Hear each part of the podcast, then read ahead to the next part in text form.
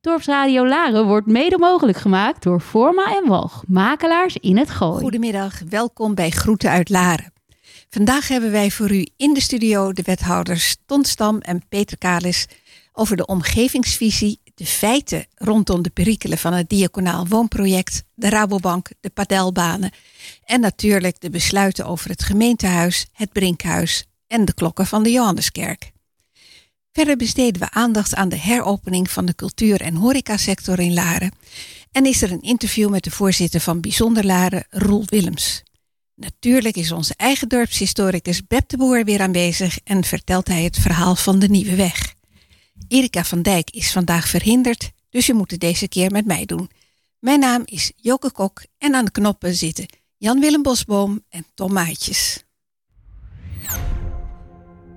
De stichting Het Geitwijtje van Annemarie Le Bouhan is geld aan het inzamelen om de verhuizing en de nieuwe stallen te kunnen bekostigen.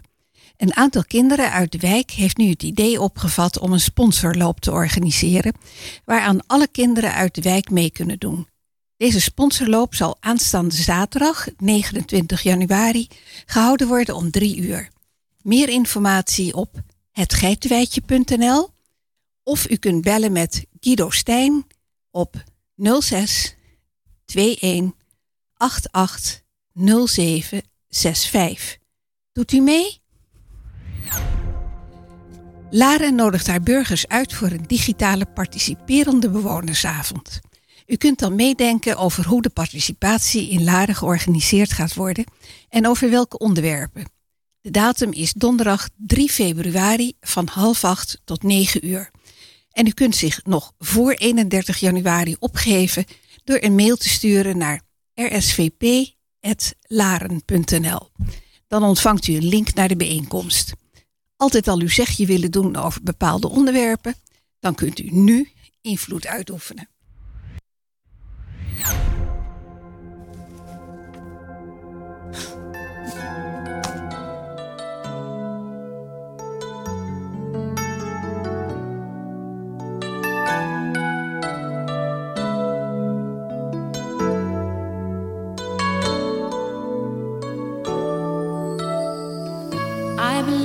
Children are our future. Teach them well and let them lead the way. Show them all the beauty they possess inside.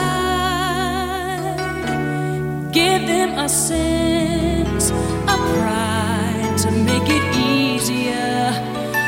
Let the children's laughter remind us Everybody's searching for a hero. People need someone to look up to. I never found anyone who fulfilled my needs. A lonely place to be. And so I learned to depend on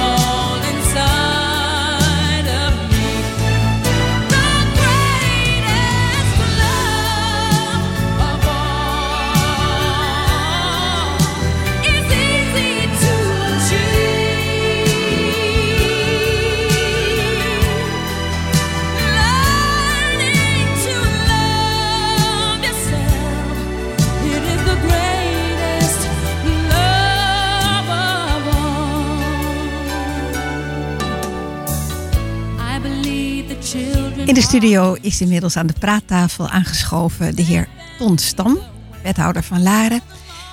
En ik vraag aan hem, kunt u nu eens uitleggen wat de omgevingswet is en de omgevingsvisie van Laren?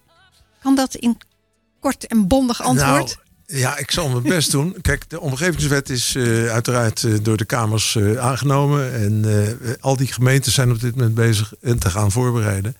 De bedoeling is dat op 1 juli aanstaande die omgevingswet wordt ingevoerd. dat is al een keer uitgesteld. En ik sluit niet uit dat dat nog wel eens een keer zou kunnen gebeuren. Want het grote probleem zit in het digitale omgevingsloket. Ik zal er niet uitgebreid Maar wat ingaan. is een omgevingswet? Waar gaat die over? Ja, de omgevingswet probeert eigenlijk alles wat u buiten ziet, hoort of ruikt. Dus alle, is alles in het fysieke domein onder één eh, paraplu onder te brengen. En dat, uh, dat zijn we volop aan het doen. Dus je hebt op dit moment overal uh, met bestemmingsplannen en allerlei verordeningen en regelingen. Is dat allemaal erg versnipperd hè, in de wetgeving. Dat is allemaal in die omgevingswet samengepakt. En de bedoeling is uiteindelijk dat er niet alleen één omgevingswet komt, maar ook één digitaal omgevingsloket, waar ik het net over had. En één omgevingsvergunning en een visie. En dat heet dan de, de omgevingsvisie, waar je net naar vroeg. En die zal uiteindelijk ook alle bestemmingsplannen weer moeten gaan vervangen. Dus waar we nu op dit moment hebben vier of vijf van die bestemmingsplannen, komt er dadelijk één omgevingsvisie. En daar, daar zie je alles wat op fysiek gebied geregeld moet worden, wordt daarin ondergebracht. Dus als ik in Laren een stukje grond heb en ik wil een huis laten bouwen, is er straks één loket bij de gemeente waar ik terecht kan. En daar geef ik aan van, ik ben Joke Kok, ik wil daar een huis bouwen. Gemeente reageert u even en dan wordt het intern wordt dat verspreid. Werkt het zo? Nou ja, dat doe je natuurlijk op dit moment ook. Hè. Je gaat nu ook naar de gemeente en dan ga je je informeren bij het loket. Maar de bedoeling van, die, van deze regels, van die hele omgevingswet, de basis van, die, uh, van die, de geest van de omgevingswet zou ik moeten zeggen, is natuurlijk dat het veel sneller kan voor de burger. Dat die inderdaad op één manier geholpen kan worden. En dat vooral de vergunning veel sneller zou worden afge, afgegeven. Uh, dus uiteindelijk bedoelt het uh, om de bureaucratie aanzienlijk te verminderen. Wordt het dan voor de burger goedkoper of duurder met die vergunning? Nou, de, de, in ieder geval is de bedoeling dat het sneller wordt. Of het, of het, kijk, de lezers is weer een apart verhaal. Dat, dat wordt niet in de omgevingswet geregeld, dat wordt per gemeente geregeld. Wel, maar als het sneller is, zijn er misschien minder ambtenaren voor nodig. Dus zou het goedkoper kunnen. Ja, nou ja, dat, dat, is, dat is een, een droom die we wel eens hebben. Maar of dat nou wel eens, of dat werkelijkheid wordt, kun je wel Maar wat een heel interessant punt is bijvoorbeeld, we hadden het net over participatie in de, in inleiding. Uh, een van de dingen die in de, in de omgevingswet geregeld is, dat degene die aanvraagt, moet zorgen dat hij dat die, uh, participatie pleegt met degene die om hem heen wonen. Dus degene die omwonend zijn, die behoren, dat is in die omgevingswet heel precies geregeld, die behoren uh, particip participatie te plegen, maar dat moet degene die het aanvraagt zelf regelen. Ah, dus het is eigenlijk de burger die het aan de voorkant het eerste stuk moet regelen. En als die nergens bezwaren vindt, dan pas kan die naar de gemeente. En dan ja. komen, komen jullie niet met, uh, worden jullie niet lastiggevallen met allerlei mensen die zeggen ik ben het er niet mee eens. Nou, dat kan natuurlijk altijd nog wel. Maar uh, kijk, we zeggen nu al natuurlijk, uh, als mensen vergunningen aanvragen, zeg ik ook altijd persoonlijk tegen mensen. Ga nou even met de buren praten. Want als er ergens bezwaren van, vandaan komen, is het meestal van de buren. Maar, de, maar die participatie in de omgevingswet regelt dat je dat zelf als aanvrager ook moet organiseren. Hoe, uh, hoe komen wij burgers dat te weten eigenlijk? Nou, een belangrijk punt is dat, dat we uh, voorlopig, omdat het zo ingewikkeld is, dat we eigenlijk op 1 juli, als het allemaal doorgaat, eigenlijk op, uh, op een manier overgaan dat we de oude regelingen allemaal in stand houden. Dus dan gaan eigenlijk de, de omgevingswet gaat, gaat door. We brengen al die regelingen die we hebben uh, onder, die, onder die paraplu van de omgevingswet.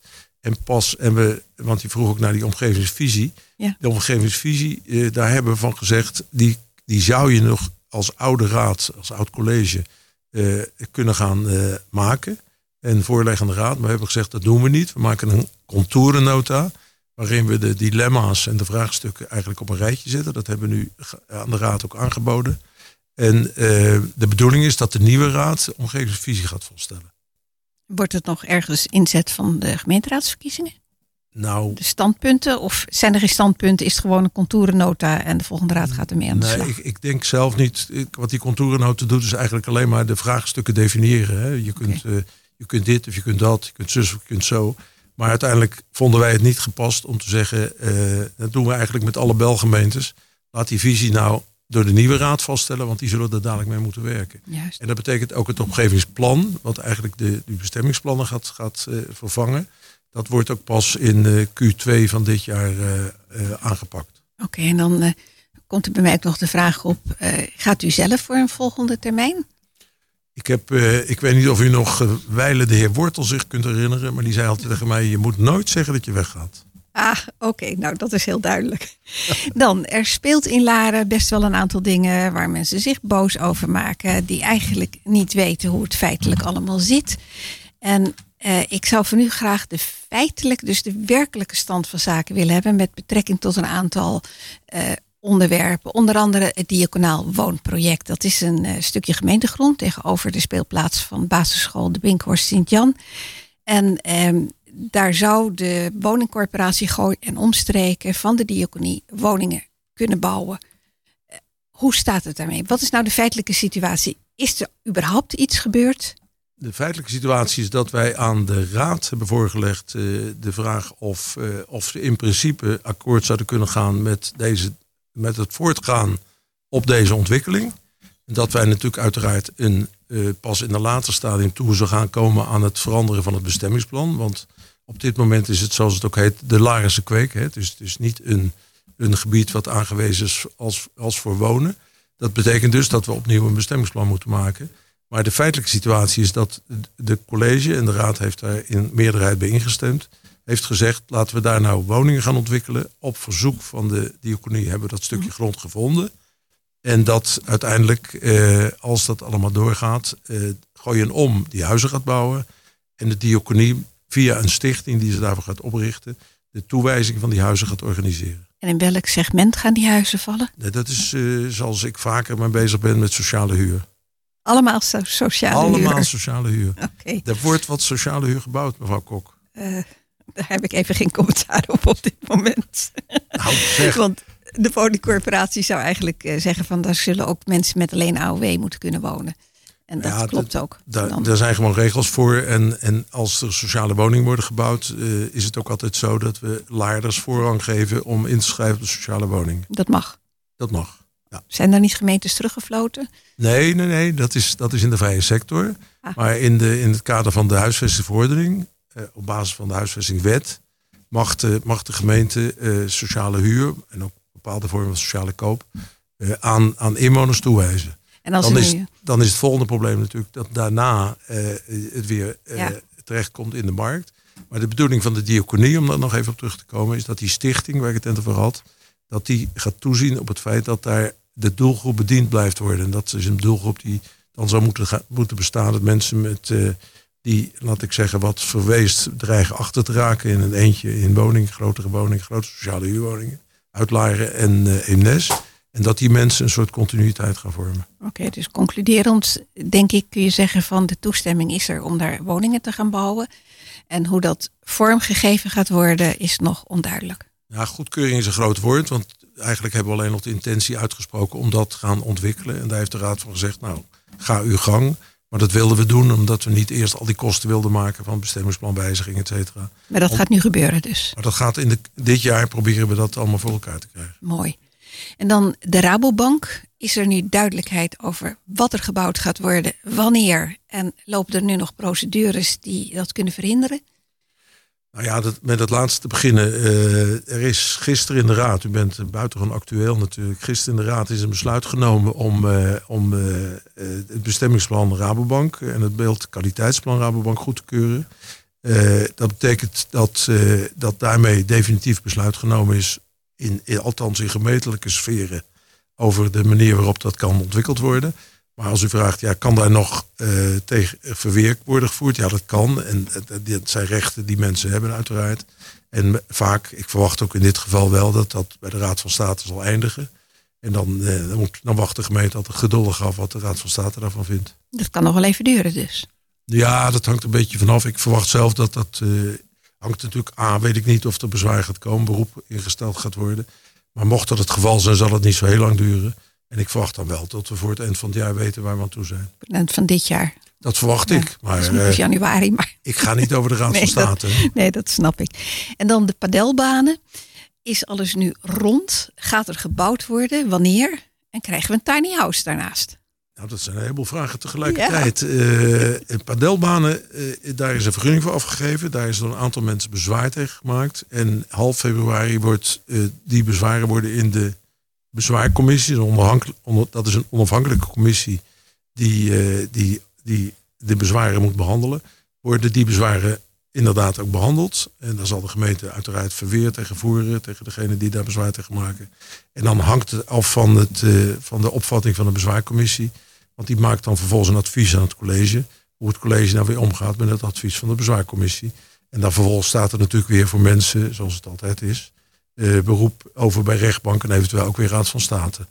Eh, voor het overige is het zo dat, dat het college heeft een onderzoek gedaan naar, de, naar het stukje grond wat dan overblijft op de, op de Groene Strook en de Eemdesseweg.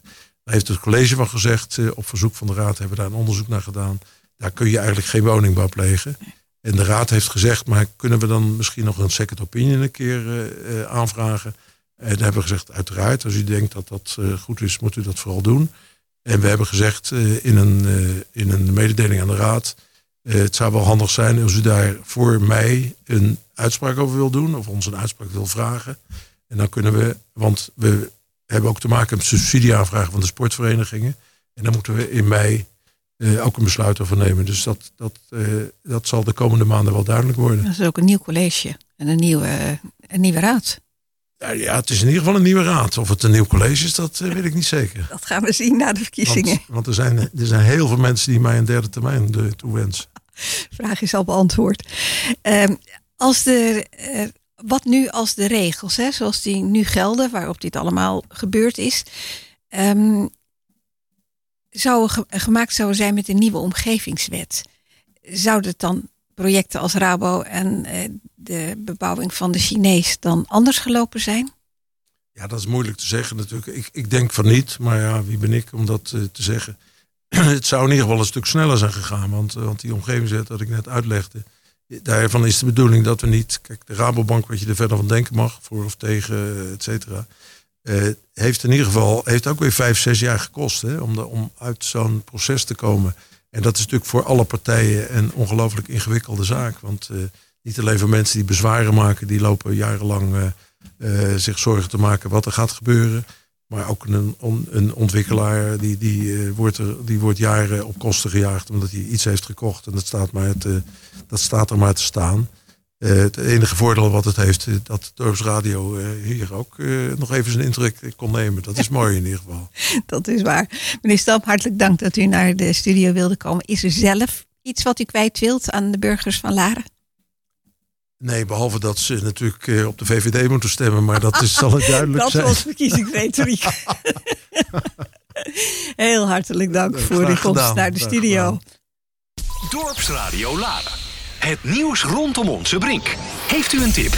Meld deze via www.dorpsradio.nl of bel 035 781 0781. 035 781 0781. Ze gaan jou door. Geschoven is nu ook wethouder Peter Kalis. Welkom in de studio, Peter. Ja, dankjewel Joke. Ehm, ik wou van jou graag weten wat de huidige stand van zaken is met betrekking tot de verkoop van het raadhuis. Had je aan die wethouder moeten vragen, want die gaat erover. Eh, de raad heeft gisteravond besloten de akkoord te gaan met het opstarten van de verkoop van het raadhuis. Dus dat betekent dat het college nu stappen kan gaan nemen om eh, het raadhuis te verkopen. Oké, dus dan zijn we het raadhuis kwijt. Verkoop van het tafelzilver noemen ze dat, geloof ik. Ja, dat Ehm, is maar de vraag of dat tafel zilver is. Nou ja, misschien wel koper. dat weet ik niet. Maar eh, concreet, wat levert dit de gemeente nu op? Hè? Bedoel, er, er zit geen woonbestemming op. Het is een oud gebouw, wat eh, kennelijk toch nog wel veel renovatie behoeft. Ehm, er zitten mensen in die er graag in willen blijven, hè? de medische sector. Dus ik denk dat eh, er niet zo'n hele hoge verkoopprijs op zit. Of zie ik dat helemaal verkeerd? Ja, dat is niet helemaal verkeerd. Oké, gelukkig. Maar het is, het- je kan je voorstellen dat dat, zoals dat heet, marktgevoelige informatie is. Eh, er is een rapport gemaakt, daarin is eh, de gerenommeerd eh, kantoor Cushman en Wakefield. En die hebben zich ook uitgesproken over de te realiseren verkoopprijs. En eh, die is echt bijzonder interessant voor de gemeente. En die verkoop, die moet wel geschieden op voorwaarde dat de huidige huurders en met name de medische gebruikers, eh, de huisartsenpraktijk, Eh, maar ook de fysiotherapeuten, uh, tandarts. Zijn ook andere logopedisten en een praktijkje voor gezinszorg. Ehm, dat die door kunnen gaan voor een marktconforme huur. En ja, wat is marktconform? wij willen zeker niet, en dat zullen we ook naar voren brengen, dat die, dat die gebruikers ineens geconfronteerd worden met veel hogere huren. Want het is juist de opzet ook, een van de drijververen om het raadhuis te verkopen, is nu met het verdwijnen van Tergooi Blaricum, om toch een soort medisch steunpunt te kunnen realiseren in Laren. En dan denk ik met name aan uh, een mogelijk spoedeisende hulp in een of andere vorm, huisartsenpost en dienstapotheek, zodat je als de apotheken in Laren gesloten zijn, daar toch terecht kan. Maar hoe, kun, je, dat, kun je dat nou garanderen als gemeente? Dat kan ik niet garanderen. Nee. Maar dat is wel, dat is wel ons streven. Maar hoe doe je dat als gemeente nou, dan? Kijk, dat is ook in, overeenstemming met, eh, of in overeenstemming, dat moet overlegd worden met uh, uh, Tergooi. Want er zijn natuurlijk ook zowel artsen als uh, Tergooi die zeggen ja, spoedeisende hulp zonder het ziekenhuis erachter heeft geen zin. Maar nou, noem het dan alleen een huisartsenpost. Ik denk dat het uh, uh, Tergooi heeft ook een dependance in uh, Weesp gerealiseerd. ik denk als je kijkt naar de inwoners van Blarikum en ook Huizen en Laren, dat het heel belangrijk is om vrij dichtbij toch een mogelijkheid te hebben voor, ja, als je een, ineens een snee in je hand hebt of dat je niet lekker voelt of hartfibrillatie of dat je dan niet helemaal naar Hilversum moet, maar gelijk in Laren terecht kan. Ja, dat kan ik beamen. Ik ben een weesper. En uh, ik weet wat daar in Weesp zit. En ik weet dat wij daar al een paar keer uh, heel blij waren dat het daar zat. Oh, en dat je niet helemaal naar Hilversum moet. En dat geldt overigens ook voor Laarders. Niet iedereen heeft eigen vervoer. Er zijn wat oudere mensen. Het uh, parkeerprobleem in Hilversum straks is best wel groot, denk ik. Met de bus lukt het niet. Dus ik denk dat het een hele verstandige beslissing is als het hier in Laren zou kunnen. Mijn angst ligt alleen een beetje van hoe kun je dat garanderen als je het gebouw verkoopt? Eh, nou, dat, dat, eh, door er afspraken over te maken met de koper. Ja, die kan natuurlijk altijd zijn eigen gang gaan. Maar kun je nou eh, als, als gemeente zeggen van nou, ik ga daar nooit een woonbestemming aan geven, ik ga daar een medische bestemming aan geven, dan is in ieder geval dat stuk uh, gewaarborgd. gisteravond werd er in de raadsvergadering ook uh, gesuggereerd dat dat raadhuis maar omgevormd zou moeten worden tot sociale woningbouw. En uh, ja, zeggen we dat kan ook wel, maar dan moet je het gebouw voor niks weggeven. En want het zijn natuurlijk zeer ingrijpende verbouwing. Wil je daar betaalbare woningen in kunnen realiseren? Dan uh, kan je het in ieder geval niet verkopen voor enigszins acceptabele prijs. Want dan uh, kunnen die woningen niet gerealiseerd worden. En ik bedoel het eigenlijk omgekeerd. Je kun je er als gemeente zeggen, we gaan daar definitief geen woonbestemming aan geven. Nooit tegen de verkoper zeggen, maar het wordt een medische bestemming. Ja, maar dat is ook de bedoeling. Kun je dat als gemeente? Zeker, zeker kun je dat. Ja, absoluut. Dus een koper weet dan dat daar alleen maar medische uh, figuren in kunnen zitten. Absoluut. Het moet dan alleen geen privékliniek worden, want dan heb je er nog niks aan. Nou ja, dat heb ik ook wel gehoord. Maar bijvoorbeeld een uh, Bergman kliniek, dat is een privékliniek. Ja. Maar daar kan je ook uh, prima voor uh, medische hulp terecht. Gedekt door de ziektekostenverzekering. Dus het idee dat het alleen maar voor plastische chirurgie en liposuctie is. dat is vooral voor de Bergman kliniek tamelijk onterecht. Het blijft in ieder geval nog een vraagteken wat er straks gaat gebeuren. Maar de verkoop gaat door. Dat is een feit. Eh, en het streven is, zoals ik geschetst heb, om dat echt te ontwikkelen tot een goed medisch centrum. Daar mogen we de gemeente aan houden. En ook de, het nieuwe college, Absoluut. hoop ik. Ja, er, is, uh, uh, er is zoiets als continuïteit van bestuur. Oké. Dan de stand van zaken met betrekking tot het Brinkhuis. Volgende hot item. Hoe staat het daarmee? Ja, daar is natuurlijk ook al een hele tijd uh, veel over gezegd en gedaan. Uh, begin van vorig jaar, februari, zag het bestuur van het Brinkhuis zich genoodzaakt om op te stappen. Vanwege, en dat heet in het jargon, verschil van mening over het te voeren beleid. ik ben toen aan boord gekomen. En in mijn eerste gesprekken met het bestuur zeiden ze ja, wij vinden het heel erg lastig. Omdat uh, wij worden geacht hier een integraal beleid te voeren over het Brinkhuis.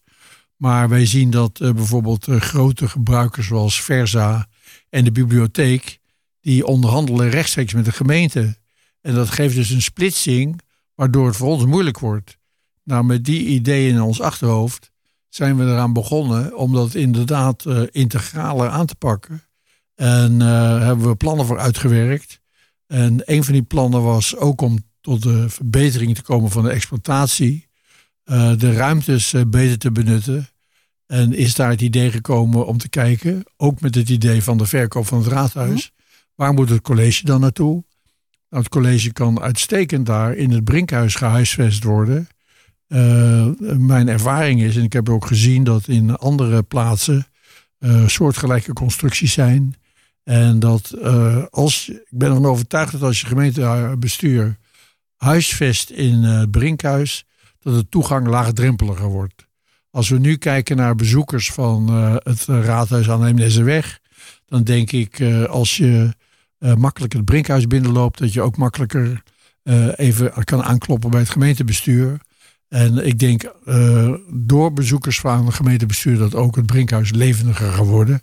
Dus ik zie echt een versterking van de, die beide functies. Dat het levendiger gaat, worden, laagdrempeliger voor mensen om Zeker. eens met jullie te praten. BMW, uh, die aan de koffie zitten daar misschien. Zeker. misschien als het drie keer gebeurt, vlucht je naar boven. Maar uh, dat, dat is heel duidelijk. Uh, waar de zorgen liggen, denk ik, is dat het niet meer echt een buurthuis is. Dat is het nu ook niet echt.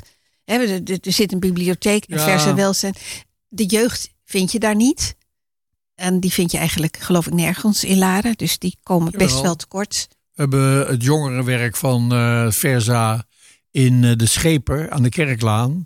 En uh, Sean Bogaerts van Dynamic Arts, die bemoeit zich daar intensief mee. Maar moet het niet weg daar? heb ik vaak gehoord. De voorlopig moet dat niet weg. Dat heb ik niet gehoord. Oké, okay, heb ik dat verkeerd gehoord. Dat kan. En in het Brinkhuis ja, de jeugd zit daar natuurlijk ook. Daar zit voorlezen voor de kleuters. Maar kijk, als je kijkt naar al die verschillende aspecten. Uh, de, de, bibliotheek heeft daar een grote krant- en tijdschriftenrek. Waar heel veel mensen binnenkomen om even de krant te lezen. Er zitten mensen in die bibliotheek uh, te werken. Er zitten studenten te studeren. We hebben de PC Helpdesk. We hebben een gelegenheid om dat je mensen kan helpen met ingewikkelde digitale formulieren of met DigiD. Uh, er is de kunstmuur in de bibliotheek. Uh, dus er is van alles en nog wat. Alleen wat zeer actueel wat consternatie heeft gegeven, is dat gebruikers zoals yoga en beweging en pilates, die zeggen ja, wat gaat er nu gebeuren? Want wij worden uit onze ruimte gestoten. Dat is ook zo. En, ja, maar dat is niet uit het Brunkhuis. Want uh, uh, het is zo dat als je kijkt naar de exploitatie van het Brinkhuis. en je hebt twee ochtenden in de week in een grote zaal yogales. en daarna staat het leeg. Ja, dat is niet de beste manier om dat te exploiteren. Vooral niet als we dan nu andere ruimtes kunnen vinden. om die groepen echt goed te accommoderen. Geef eens een voorbeeld. Weet je dat toevallig van uh, iemand die daar twee dagen in de week drie uur yoga geeft, die in die oranje zaal zit boven, hè, wat dan voor de gemeente gaat worden. Waar zouden die wel terecht kunnen? Nou, de, dat kunnen we bekijken, maar bijvoorbeeld we zouden theater in kunnen richten, omdat we de banken naar achteren kunnen brengen. En dan heb je daar een keurige ruimte. Goed idee. En wat heeft nu de Raad besloten gisteren? Gaat er nu verhuisd het, worden naar het Brinkhuis? De Raad heeft het principe besluit genomen dat het gemeentebestuur gaat verhuizen naar het Brinkhuis. Dat raads- en commissievergaderingen voorlopig in het uh, Belhuis gaan plaatsvinden in Eemnes. En dat uiterlijk in september dit jaar de Raad zich definitief zal uitspreken over waar raads- en commissievergaderingen zullen moeten gaan plaatsvinden. Dat is ook dan de nieuwe raad. Ja. Dan nog even snel een laatste. Uh, er zijn een aantal mensen en die hebben het verzoek naar de gemeente gestuurd om het carillon en de luidklokken tussen 11 uur s avonds en 7 uur s morgens eh, stop te zetten omdat ze niet kunnen slapen. Uh, wat is daar nou de stand van zaken? Ik begreep het niet helemaal. Zijn ze nu al uitgezet en worden ze weer aangezet? Of zijn, zijn, ze nog steeds aan en gaat het nu in een commissie besproken worden?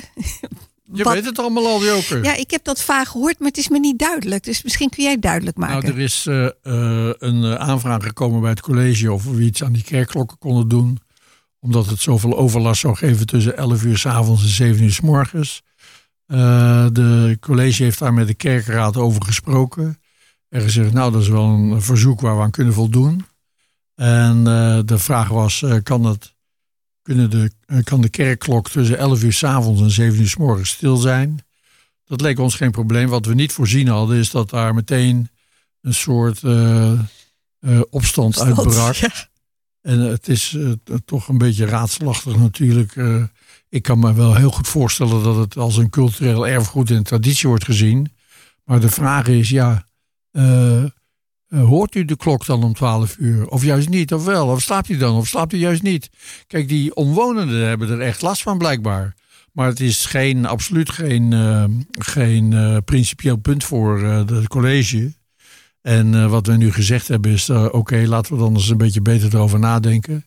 Laten we het in een volgende commissievergadering in februari aan de orde stellen. Zodat ook omwonenden gelegenheid hebben om in te spreken. En de verschillende partijen hun mening kunnen geven. En eh, kijk, eh, als je klokken uit kan zetten, dan kan je ze ook weer aanzetten.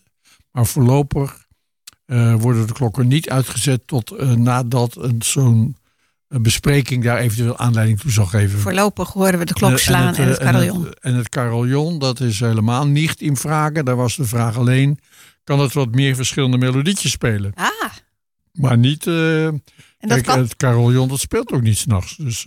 Dat- niet relevant. dat is niet relevant. Eh rest mij een laatste vraag. Eh, stelt u zich weer beschikbaar na de volgende verkiezingen? Nou, ik geloof dat eh, meneer Ja. Stam ook al zei, van, die refereerde naar Ernst Wortel. Als het volk mij roept, Als het volk roept, dan aan bent u weer bereid? kant, aan de andere kant, ik denk ook dat als je kijkt naar het huidige college, Ton Stam, Jan den Dunne en Peter Kalens, dat zijn allemaal 70-plussers. Dan wordt het hoog tijd om daar eens wat eh, frisse nieuwe gezichten in te vinden. Daar heb ik als dan ook, radio eh, geen mening over. Zo, oké. Hey, hartelijk dank voor je komst naar de, naar de studio en de verduidelijking van een aantal punten. Dan eh, gaan wij nu over, ik geloof dat er geen tijd meer is voor een liedje. Dankjewel. Dan gaan we direct over naar de heropening van de horeca- en cultuursector van deze week. Eh, ik had een interview met de voorzitter van Bijzonder Laren. En ik ging ook eens langs bij de verschillende horeca- en theatergelegenheden. En eh, nou, als het goed is, krijgen we nu het interview met Roel Willems, de voorzitter van Bijzonder Laren. In de studio is Roel Willems, voorzitter van Bijzonder Laren. Roel, vertel eens, wie ben je en wat doe je precies? Wat is nou Bijzonder Laren? Wat is Bijzonder Laren? Bijzonder Laren is een dorpsfonds. Dorpsfonds van, eh, van Laren. eh, wat zich als doel heeft gesteld om het ondernemersklimaat in, eh, in Laren te, te verbeteren. En bij te dragen met, met, met het fonds wat beschikbaar is gesteld door de ondernemers zelf. Om de ondernemers daarbij ja, te helpen om, om het klimaat te verbeteren. En hoe wordt dat fonds gefinancierd? Het fonds wordt gefinancierd en er is voor gekozen voor deze constructie door een, een hele kleine bijdrage aan de, aan de, de WOZ die, eh, die geïnd wordt door de gemeente. En deze kleine bijdrage die, eh, die wordt dan verzameld en die wordt in het fonds eh, gezet. Dus iedere ondernemer die een, een pand heeft in Laren, die betaalt eigenlijk feitelijk mee aan, aan het dorpsfonds. Dus die betalen eigenlijk een beetje te veel WOZ en dat geld komt dan in de gemeentekas. Ja, En de gemeente stort dat vervolgens in jullie fonds en die beheert het ook? Nee, de gemeente die, eh, die, die, die zorgt ervoor dat, eh, dat dat fonds eh, ter beschikking wordt gesteld aan de stichting. En de stichting Bijzonder Laren die, die zorgt er dan weer voor dat het geld beschikbaar wordt gesteld door de vereniging. Dus wij zijn de, een coöperatie Bijzonder Laren die dan met het bestuur en de mensen die dus daar meewerken, alle vrijwilligers, in samenspraak met de ondernemers dat geld kunnen uitgeven en allerlei projecten of evenementen kan, kan besteden. Dus als ik een winkel of een restaurant heb hier en ik bedenk een project, dan kom ik naar jou en dan zeg ik van nou, eh vindt Bijzonder Laren daar wat van? Kunnen we daar iets mee? En dan Ja. gaan jullie dat verder uitwerken? Ja, exact. Nou, het plan zelf werken we dan niet uit. Eh, soms zijn er projecten of, eh, of evenementen waar we zelf heel nauw bij betrokken zijn. Maar omdat we natuurlijk maar een kleine groep vrijwilligers zijn, kunnen we onmogelijk alles, alles behappen. Eh, dus een aantal projecten die doen we zelf, zoals bijvoorbeeld de lichtjesavond, de, de lichtjes die in, eh, in Laren worden opgehangen in december. Eh, we, we zijn betrokken bij de Street Sale. Nou, er zijn een aantal eh, grote activiteiten in het jaar waar we betrokken bij zijn. Maar de andere zaken die worden dus aangedragen door de ondernemers zelf. Dat plan wordt ingediend. Eh daar wordt een verzoek gedaan tot, tot hulp met vrijwilligers en een bijdrage vanuit het fonds. Juist, ik denk dat het fonds nu aardig gevuld is, want de afgelopen twee jaar kon er eigenlijk heel weinig. Ja. Nu kan er ineens weer heel veel tot tien uur 's avonds. Hoe blij zijn jullie daarmee? Ja, dat is natuurlijk fantastisch dat het eindelijk eh, gelukt is. Eh, ik denk dat we met z'n allen ook ontzettend hard ervoor hebben gevochten. Ieder op zijn eigen manier om dit eh, voor elkaar te krijgen. Eh, de winkeliers hebben natuurlijk eh, hun stem laten horen een paar weken geleden al. Ja. Laatste tijd was horeca en, eh, en, en vooral ook eh, de, de cultuur aan de beurt om zich te laten horen. Nou, wij hebben vanuit Bijzonder Laren uitvoerig contact gehad met de burgemeester en, de, en, de, en het college om aan te geven ook dat het wat ons betreft eh, niet langer zo meer kan. Nou, gelukkig waren wij niet de enige. Je zag in de hele Gooi- en Verstreek dat eigenlijk alle soortgelijke verenigingen eenzelfde boodschap hebben gestuurd. En de, de, de, de voorzitter van de veiligheidsregio, Pieter Broertjes van Hilversum, heeft dan ook een, ja, toch wel een klemmend verzoek gedaan aan, eh, aan minister Rutte om, eh, om dit aan te passen. En nu mag het allemaal weer. Ehm, hebben jullie, staan jullie nou in de startblokken om van alles nog wat te gaan organiseren? Of Ja, we willen dat eh, natuurlijk heel graag gaan doen. En dus nou, bij deze ook maar even de oproep aan, aan ondernemend Laren. Zoals je zegt, we hebben, we hebben een mooi fonds. En we staan natuurlijk bereid om iedereen te woord te staan die, die met goede ideeën en plannen komt. Eh, eh, dus we gaan daar graag over, eh, over in overleg. Wij, wij staan er in ieder geval helemaal klaar voor. Maar er is nog niks bij binnen van mensen die zeggen, ondernemers, van we gaan dit doen. Ik kan me zo voorstellen dat bijvoorbeeld muziekverenigingen zeggen van we gaan iets Ja. doen. Of we gaan een groot bevrijdingsfeest organiseren. Nou, bijvoorbeeld, ik heb wel gesprekken gevoerd met het, het Oranje Comité 4 en 5 mei. We hebben, we hebben een overleg gehad over Koningsdag. Dus er zijn, eh, er zijn al wat overleggen gaande, maar er is nog niet iets concreets. Dus, dus ja, daar zijn we hard mee aan de, aan de slag. Sony's Inc. is ook lid van jullie vereniging. Eh, ik, dat durf ik zo niet te zeggen. Dan moet je een pand hebben in Laren en daar je bedrijfsvoering doen. Volgens mij zit niet ergens anders. Oh, dat weet ik eigenlijk niet. Ik heb hem een tijd geleden op de Ja. radio gesproken. En die was helemaal in voor een soort van bevrijdingsfeest. Oh, die nou, kan niet wachten totdat hij weer op kan treden. Ja. Dus vandaar de vraag. Nou ja, ik hoor hem graag. Bij deze een oproep aan Sony's Inc. Maak er een bevrijdingsfeest van in Laren. Ja, precies. Ehm, heb je al reacties van eh, restaurants? En heb je al reacties van, eh van Singer? Nee, ik heb van restaurants eh, nog geen directe reacties. Maar ik kan me voorstellen dat iedereen natuurlijk hier bijzonder blij mee is. Ik hoorde wel van mensen om me heen dat het aantal reserveringen hard gaat. Iedereen die, die, die, die, die gaat misschien wel twee, drie keer per week nu ergens naartoe. Dus ik verwacht dat de restaurants en laren snel vol zullen zitten. Eh, voor Singer dat het, eh, dat het museum open is, is natuurlijk een enorme, enorme mooie stap. eh, zodat iedereen ook weer kan zien hoe, hoe mooi het museum is. En hoe ver we ook zijn nu met, met de nieuwe Nardingvleugel.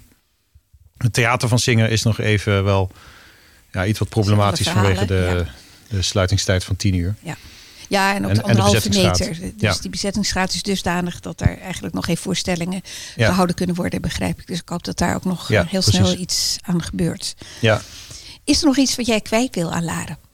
Een proef? Nou, ik, eh, ik, ik denk dat wij eh, met z'n allen nu eh, moeten genieten van, van deze tijd die we, die we voor ons hebben. Het, het ziet er qua, qua virus goed uit. We, we, we kunnen weer dingen doen.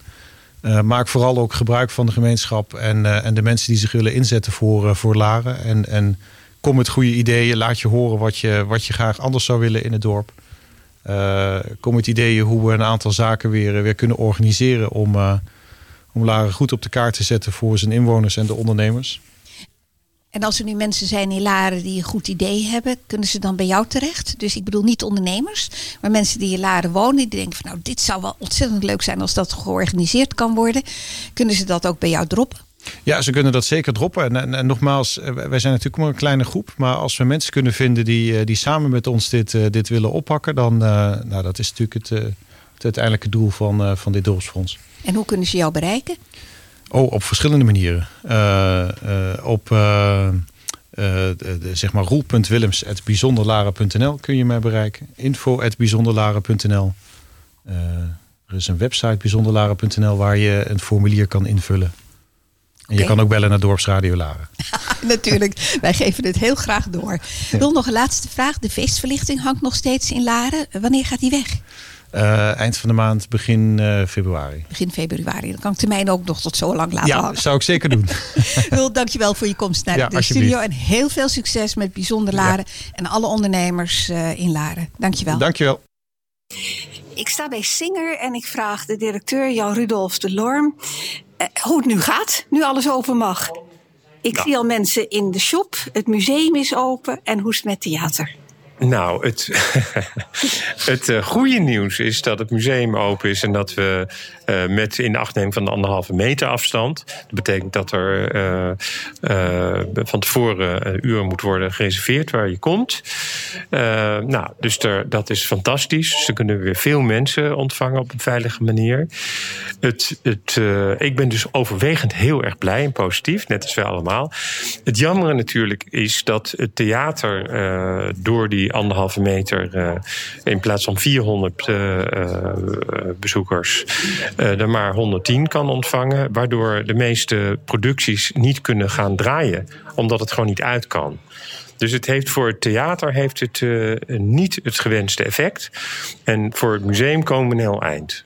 Dus helemaal geen enkele theatervoorstelling. Nou, er zullen, wel, er zullen ongetwijfeld wel theatervoorstellingen doorgaan.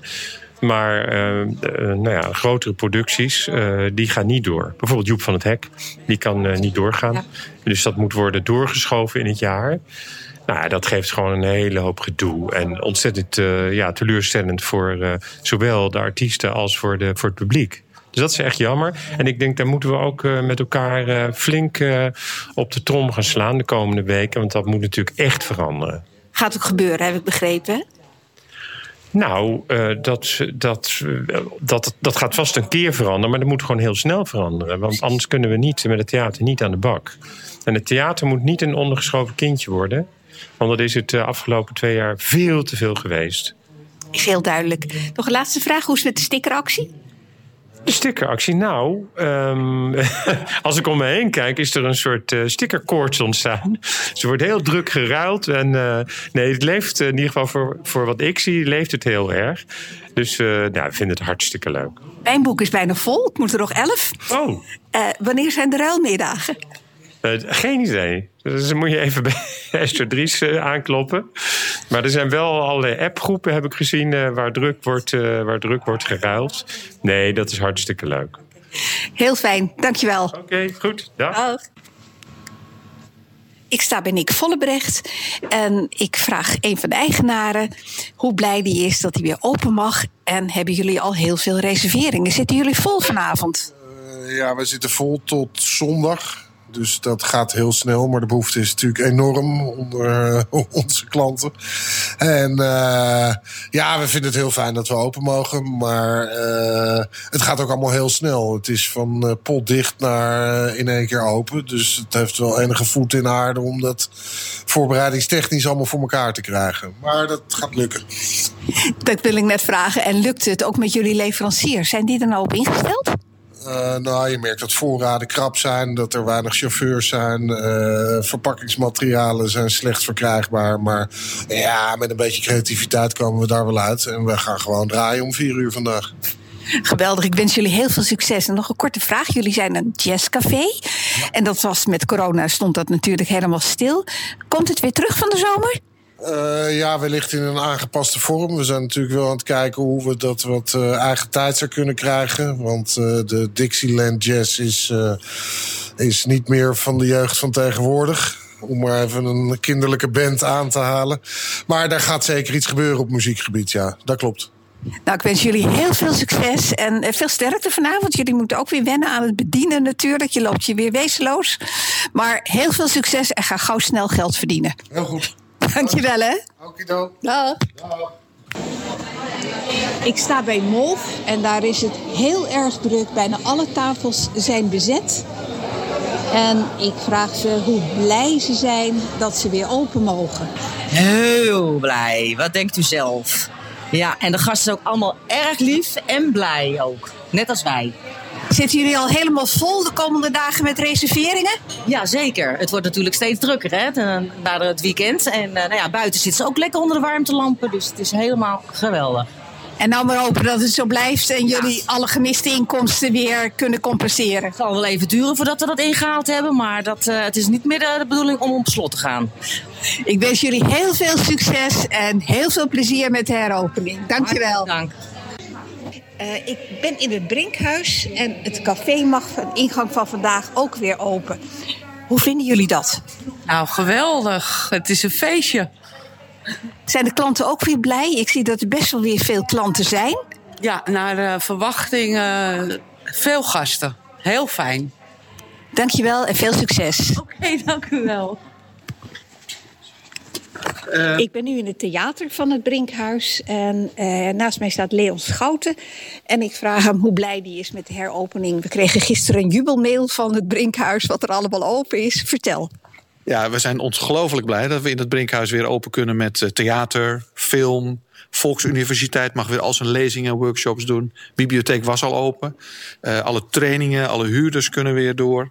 Eh, ja, we, waren daar natuurlijk heel erg mee bezig. En inderdaad, gisteravond meteen na de persconferentie hebben we een eh, nieuwsbrief uitgestuurd. Eh, en eh, laten weten hoe onze programmering eruit ziet. En mensen kunnen dat ook bekijken op eh, onze website hartvanlaren.nl om te kijken wat we allemaal doen. En hoe is het met theater? Want hier moet er natuurlijk ook eh, anderhalve meter afstand. Dus dat is één stoel wel, twee stoelen niet, één stoel wel. Eh, komt dat uit? Hebben jullie toch nog wel artiesten die hier komen doen? Ja, de 68 stoelen mogen we maar een derde van gebruiken. Dat zijn er dan 22. Ehm, ja, dat, het wordt een beetje passen en meten. Kijk, eh, qua verdiensten eh, is dat wel een probleem. Maar eh, weet je, we moeten ook er weer inkomen. Dus we gaan gewoon de theatervoorstellingen doen zoals we ze gepland hebben. En dan komt de boel vanzelf op gang. En dan doe je het drie keer of twee keer per dag of zo? Nee, want dat zijn meestal theatervoorstellingen die alleen op de avond worden gepland. Dus s s'avonds om kwart over acht. En dan gaan ze een uur, anderhalf uur uit. Al dan niet met een pauze. Eh, en dat kun je maar één keer op een dag doen. Noem er eens één. Eh, de staat van verwarring op eh, 2 februari hebben we. eh, van eh, Pieter Joukes en eh, ben ik zijn naam even kwijt. Daar overval je me mee. Twee eh, cabaret eh, eh, specialisten. En dan hebben we op... ehm, in half februari hebben we ook nog een voorstelling. Schrijf me is een heel mooi literair eh, voorstelling. Maar dat is allemaal te vinden op onze website. Leon, hartelijk dank. Ik ben bij Maximiliaan. Hier zit het nog niet helemaal vol tussen de middag. Maar ik vraag even hoe blij ze hier zijn dat ze weer open mogen en of ze al veel boekingen hebben. Nou, ik sta nog net niet te springen van vreugde, maar ik zit er niet ver vanaf. En nou, het is vanavond vol en morgen vol, dus eh, we zijn on- ongelooflijk blij. En hoe gaat het met de voorbereiding en de leveranciers? Eh, kunnen jullie alles krijgen wat je hebben wil? Want die zijn natuurlijk ook niet helemaal op voorbereid. Dan zou u even aan de, aan de keuken meneren moeten vragen hoe dat zit. Maar ik heb nog geen klachten gehoord, dus eh, voor zover ik weet gaat het allemaal op rolletjes. Hartelijk dank. Ik, ik vraag even de klanten die hier buiten zitten hoe blij ze zijn dat ze eindelijk weer het terras op mogen. Nou, ik vind het heel erg fijn dat ik eindelijk weer eventjes gewoon gezellig kan genieten. Dankjewel. En tenslotte ben ik bij het oudste café-restaurant van Laren, het Bonte Paard. En ook hier vraag ik even hoe blij de mensen zijn dat ze weer open mogen zijn. Ik vraag het de gasten. Mag ik iets vragen? Hoe blij bent u dat u eindelijk weer terecht kunt in Bonte Paard? Ja, zeer blij. Heeft u iets gemist? Komt u hier vaker? Zeker, zeker. Ja, dit is de eerste dag dat het weer mag en ik zit er ook meteen. Hier is een heel gezelschap van mensen die het er weer direct van neemt. Oh ja, natuurlijk. Ja, dolblij, dolblij. Het is echt gewoon... We zitten zo te genieten. En dan, we hebben ook nog een verjaardag te vieren. Dus we zijn helemaal blij. Ja. Van harte gefeliciteerd allemaal. En geniet ervan. En hopelijk blijven ze heel lang weer open. Dank jullie wel. En nu zit Beb de Boer startklaar bij de microfoon om ons te vertellen waarom de nieuwe weg de nieuwe weg heet. Beb. Ja. De Nieuwe Weg is wel een heel bekende weg in ons dorp. Hij ligt tussen de Brink en de Jonkheer van Ispen van Zevenhuisstraat.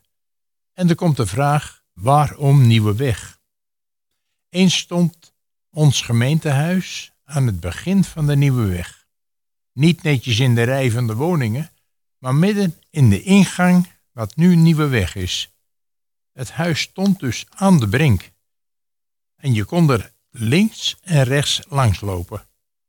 Ander verkeer was niet mogelijk. De weg daarachter, dus wat nu de Nieuwe Weg heet, heette toen de gemeenteweg.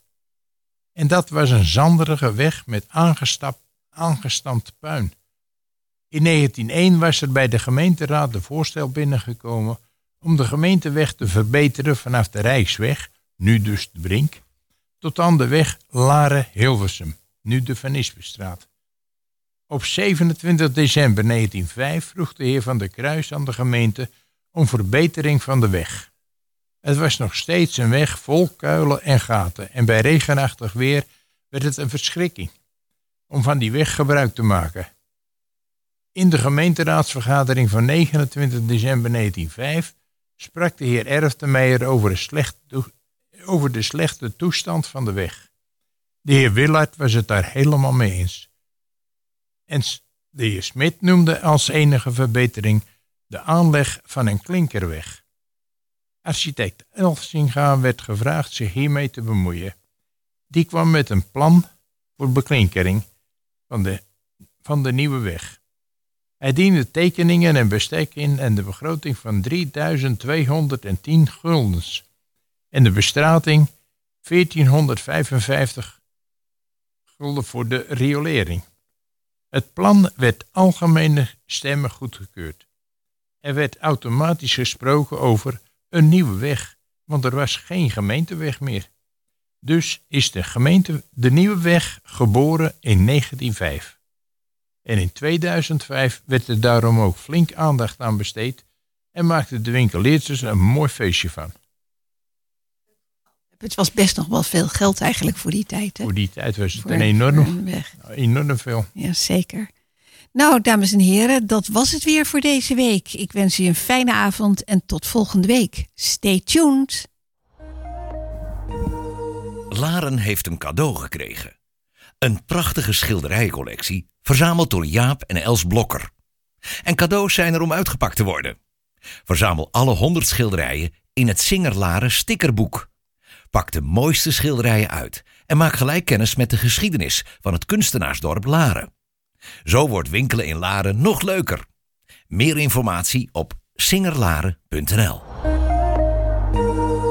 Dental Art. Uw tandartspraktijk voor algemene tandheelkunde, facings, cosmetische tandheelkunde, tandvleesbehandelingen en alles wat bijdraagt aan je gezonde, gelukkige lach. Zoals ons vernieuwde pakket op het gebied van leefstijltandheelkunde.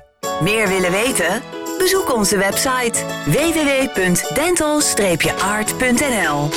Welkom, making happy, healthy smiles. Dorpsradio Laren, nieuws en weer.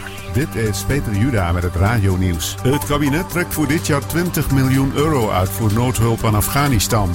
Volgens minister Schrijnemacher van Ontwikkelingssamenwerking is de humanitaire situatie er extreem zorgwekkend en stort het land zonder hulp van buitenaf in. De laatste cijfers tonen aan dat zeker 24 miljoen Afghanen